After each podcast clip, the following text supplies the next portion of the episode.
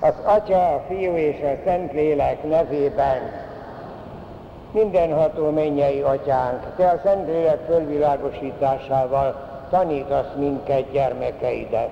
Kérünk, add meg nekünk, hogy szent erejével megismerjük, ami igaz, megszeressük, ami helyes, és örvendjünk szüntelen az ő vigasztalásán.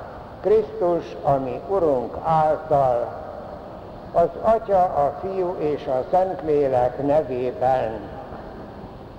Dicsértessék a Jézus Krisztus!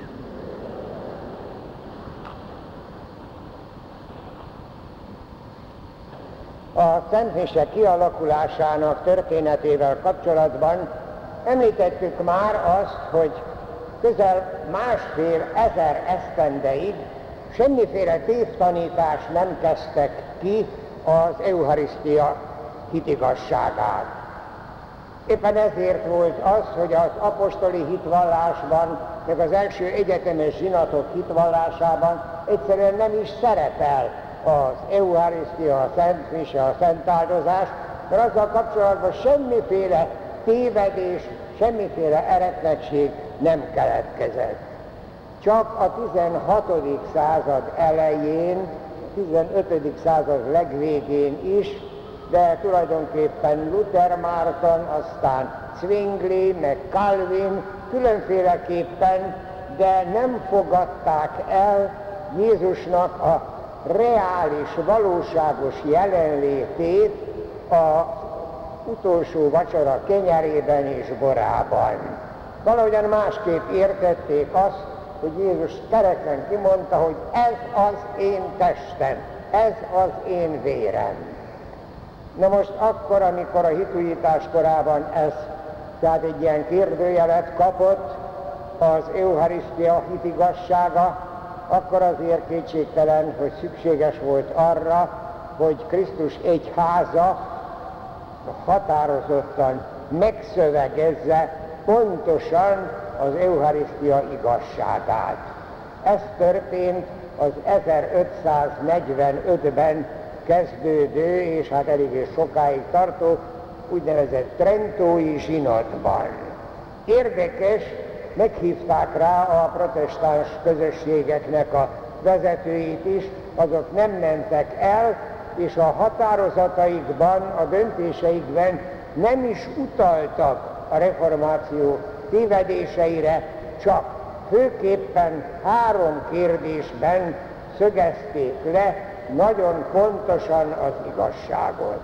Az első az volt, hogy a Szent Mise kenyerében és borában, ugyanúgy, mint az utolsó vacsora kenyerében és borában, igazán, valóságosan, lényegileg benne van, jelen van a megváltó, föltámad, keresztre feszített és föltámad Krisztus. Természetesen a Trentói zsinatnak rendelkezésére állt a 12. század igen hatalmas teológusainak a elmélkedései, Aquinoi Szent Tamás azt a szót használta, hogy transzubstanciáció, tehát átlényegülés. És ez könnyen magyarázható volt, hogy igenis mindennek van egy lényege, és van valami külső alakja. A külső alak, a látszat, az a utolsó vacsora ünneplésében is, az utolsó vacsorán is, meg a szentmisében is megmarad a kenyérnek a látszatvalósága, de a lényegváltozás megváltozik, a lényegváltozás azt jelenti, hogy maga a föltámadt élő Krisztus van benne.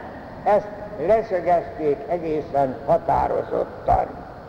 A második, ami nagyon fontos volt, különösen a kejheseknek a, a tanítása alapján, azt is világossá kell, kellett tenni, hogy nem jelent többletet, ha mind a két szín alatt járul valaki szent áldozáshoz, tehát a szent ostját és a szent vért is magához veszi, mert a Szent Ostjában is ugyanúgy benne van Jézus Krisztus istensége és embersége, a maga teljes lényegével, mint a szent vérben, tehát az, hogyha csak egy szín alatt áldozik valaki, a papnak mindig két szín alatt kell áldoznia, de senki sem kötelezhető arra, hogy két szín alatt áldozzon. Ez is a Trentói zsinatnak volt egy határozata.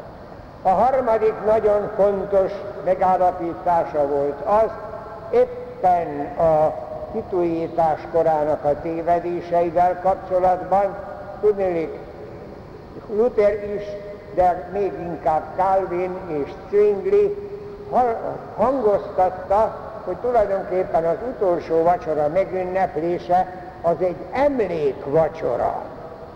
Ezzel szemben, ha emlékezünk rá, én a második, harmadik századból felolvastam szövegeket, Jeruzsálemi Szent Cirének a szövegét például, vagy a római Szent Kelemennek a szövegét, ahol egészen világos az, hogy az utolsó vacsora emlékünnepe az Krisztus egyházának az áldozata.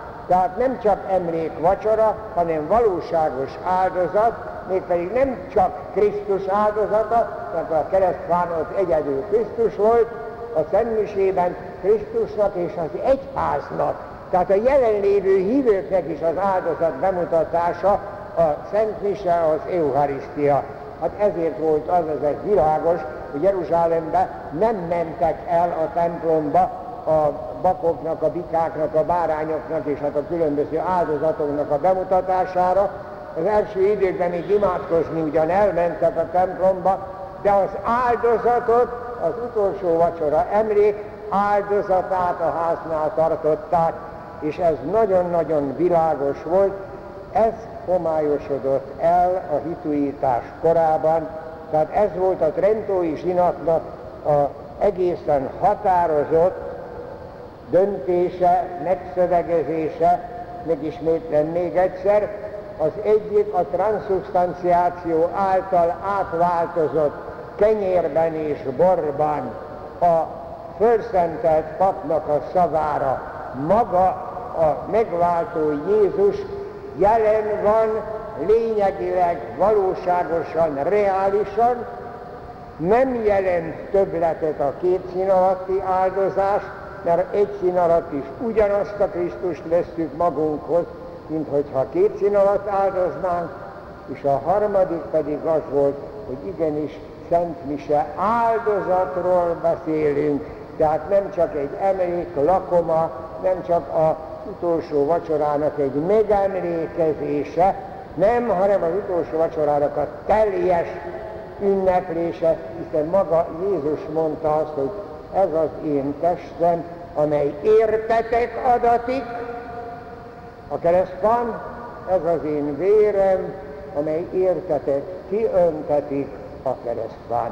Tehát az utolsó vacsorán is áldozat volt az a néhány csodálatos pillanat, amikor az Úr Jézus megalapította a mi áldozatunkat, az Eucharisztiát, a Szent áldozatot.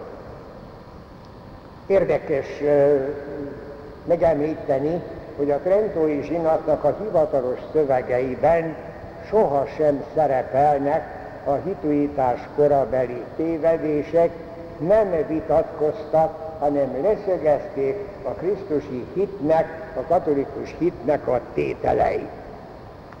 És elég egészen világossá vált, hogy a katolikus szent való szent áldozás nem egyenlő a protestáns emlékvacsoráknak az úr vacsorájával. Ez világos lett és ez lassanként aztán megoldódott teljesen. Egy valamiben nem tudtak sehogyan sem változtatni, pontosan a tentói zsinat, hát hozzá kell tennem azt, hogy 217 európai püspök írta alá ezeket a döntéseket, akkor ez volt az egyetemes egyháznak a zsinata, és nem merték az egységnek a megbontása félelmében megváltoztatni az Eucharisztiának a latin nyelvét. hozzá kell tenni azt, hogy a latin nyelv akkorra már holt nyelv volt. Ugye ne felejtsük azt el, hogy Jeruzsálemben arám nyelven is ünnepelték a Szent Misét, aztán a római birodalomban az elegánsabb nyelv az a, róm, a görög nyelv volt, a, mikor a római birodalomban valóban széltében, hosszában elterjedt már az evangélium, akkor át kellett térni az egyszerűbb nyelvre, a latin nyelvre, aztán tudjuk nagyon jól, hogy a népvándorlás korában pontosan a latin nyelvvel volt a nagy probléma, mert hát ugye azt a germán törzsek, a gepidák, meg a szaracénok, meg a keleti gótok, meg a nyugati gótok, azok nem értették, szóval itt nehézségek voltak, de a Trentói zsinat is sem tudott e- ezzel semmi megoldást találni. Ez nagyon fájdalmas volt, de 1571-ben 5. Szent Pius pápa kiadta a római misekönyvet latinul, és ezt hozzá kell tenni, megvénította a Szent Mise fejlődését közel 400 esztendőre. Ez alatt a 400 esztendő alatt latinul tartották a Szent Misének a szertartásait mindenütt, ahol csak Krisztus evangéliumát megismerték. Az evangélium, az ige hirdetés, az ment a honi nyelveken, de az Isten tisztelet mindenképpen latinul volt. Na most ennek azért voltak bizonyos következtetései.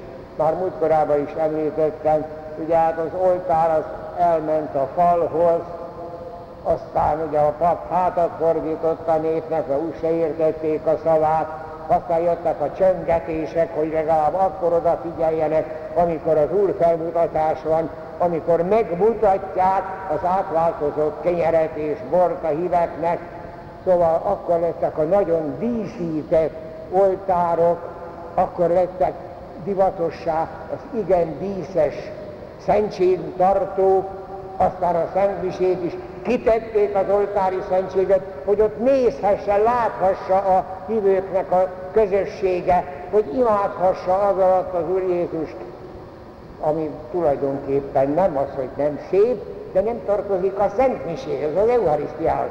Az Eucharisztia az áldozat. Ugyanakkor az ige liturgia éppen azért, mert latinul kellett mondani, az, az úgy elkorcsosodott teljesen. Elmondták a Szent Leckét, elmondták az evangéliumot, akkor még a predikációk is szinte elszakadtak a latin misétől. Voltak nagy népszónokok, akik tolmácsokkal ugye a különböző nyelvek felé nagyon sokan latinul beszéltek, és tolmácsok közvetítették. Szóval igen-igen sok következménye volt ennek, még a 18. században is, és akkor nagyon érdekes, jött valami, különösen Franciaországban, jött valami olyan mozgalom, hogy a szentáldozás tulajdonképpen egy olyan óriási ajándéka az Úristennek, hogy csak azt fogadhatja a szívébe, aki minden, minden legkisebb bűntől már elszakad. Ez egy bizonyos rigorista irány volt, a janzenizmus, nagyon sokat ártott, mert azt mondták, hogy legalább három napig, de hetekig kell készülni a szent áldozásra, és utána hetekig, hónapokig kell hálát adni azért az óriási ajándékért, amit az Úristentől kaptunk.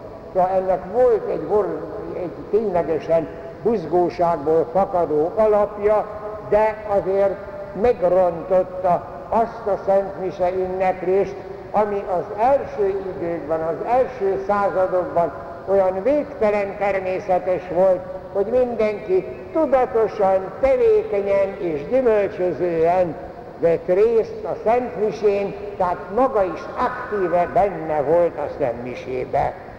Na, nagyon érdekes, a 19. század közepetáján akkor különösen francia és német területeken, bencés kolostorokban, Szolénben, Maredzóban, Bajronban, Lákobban elkezdtek egy kicsikét gondolkodni azon, hogy a közösség számára hogyan vihetnék közelebb, érthetőbbé a Szent Misét. És akkor kezdődtek a különböző fordítások. Na most itt bele kell ebbe kalkulálni azt is, hogy az előző, tehát a 10., 11., 12. századhoz képest először is az írás tudás egy kicsit jobban elterjedt. Ne felejtsük el, hogy a 1225-ös Esztergomi zsinat kötelezte a papokat arra, hogy olvasni tudjanak. Úgy írni tudjanak, az nem volt kötelező, mert ezt a kancelláriába csinálták, hogy az egyes írástudók.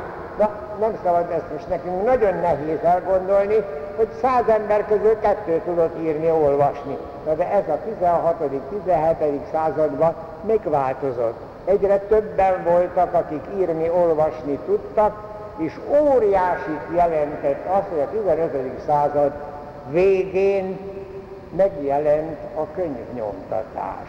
Tehát nem kellett már egy ember öltő ahhoz, hogy egy könyvet lemásoljon, hanem több példányban sikerült nyomtatni a könyveket.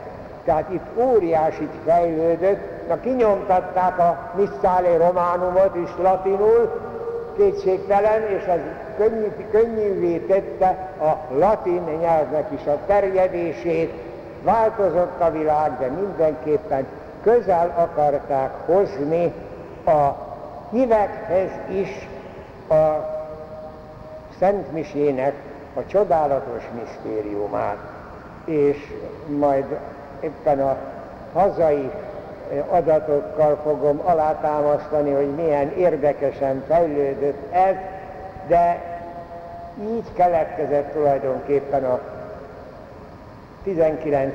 század közepén, a második felében a liturgikus mozgalom, aztán egy picit később a Szentírás tudomány is óriásit fejlődött, a biblikus mozgalom, és az egyháznak a közösségi, tehát a koinolja, a közösségi jellege, az is egyre jobban előtérbe került, úgyhogy ez készítette elő azt, hogy 23.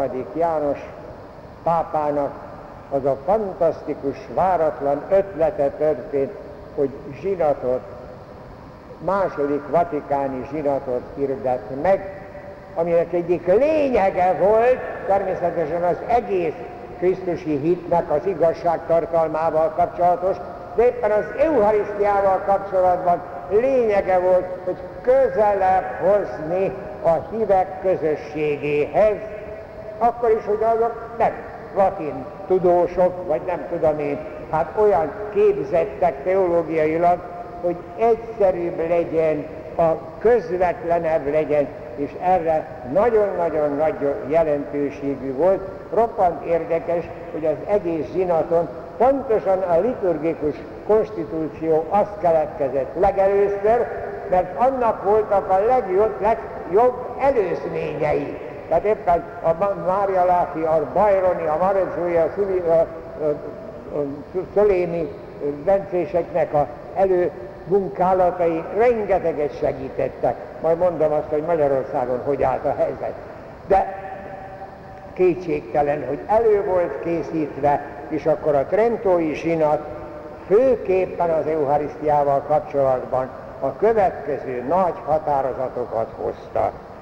Először is lényeges volt az, hogy megkülönböztessük a Szent Misében, az Eucharisztia ünneplésében a változhatatlan, lényeges mozzanatokat és a változható mozzanatokat. Hát csak egyet mondjuk, ugye az átváltoztatás az pontosan ugyanaz, nem én 12 ezer évvel, vagy 12 száz évszázaddal ezelőtt, vagy ami az utolsó vacsorán volt, ugyanakkor az ige liturgiában a, pontosan a második vatikáni zsinat olyan gazdagon merített a Szentírásból, hogy a vasárnapi szentmiséknek az ige liturgiája is csak három évenként ismétlődik, tehát ez egy óriási valami volt, hogy világosan látták, hogy mit lehet változtatni, nem csak a szövegekben, de a szertartásokban is, és ott a szertartásoknál aztán jött az, hogy az oltárt szembefordították a hívekkel, hogy közvetlen kapcsolat, tekintett kapcsolat legyen a hívő közösséggel, hogy valóban értsék azt, a szertartásokat is lényegesen az ősi tra- tradíciók alapján egyszerűsítették, hogy érthető legyen. Nagyon sok minden volt, hát pláne azt is hozzá kell tenni, hogy ugye lassanként Krisztus egyháza világegyházzá alakult, és ott azért nem lehetett, mert csak egyet hadd szabadjon mondani, a Indiában például a gyásznak a színe a fehér. Tehát karácsonyt vagy húsvétot ünnepli, fel, ünnepelni fehér bise ruhába, ott nem lehet, mert az a gyászjele. Szóval nagyon sok minden volt, amit tehát meg kellett határozni, hogy mi a változható és mi a változhatatlan. A második, amit nagyon-nagyon fontos volt, hogy belementek abban, hogy elérkezett az idő, hogy a latin helyett a honi nyelveket használják. Ebben megint belesegített természetesen a könyvnyomtatás, mert még ma is vannak ilyen problémák. Hát ugye azóta már lefordították a Szentmisének a szövegeit 896 vagy hány nyelvre, nem tudom pontosan. Minden nyelvre még nincs lefordítva, az Afrikában vannak olyan picit kis nyelvek, hogy nem is lehet, mert nincs annyi szavuk, nincs annyi fogalmra jelző szavuk, saját szavuk, de most már azért nagyon sokat jelent, hogy le lehet fordítani. De most itt azért hadd szabadjon megemlítenem, itt is azért különbség van.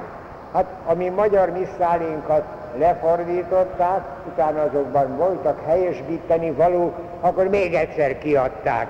1970 óta van Magyarországon magyar nyelvű szentmise, és közben egyszer adták ki a, a visekönyvet javításokkal.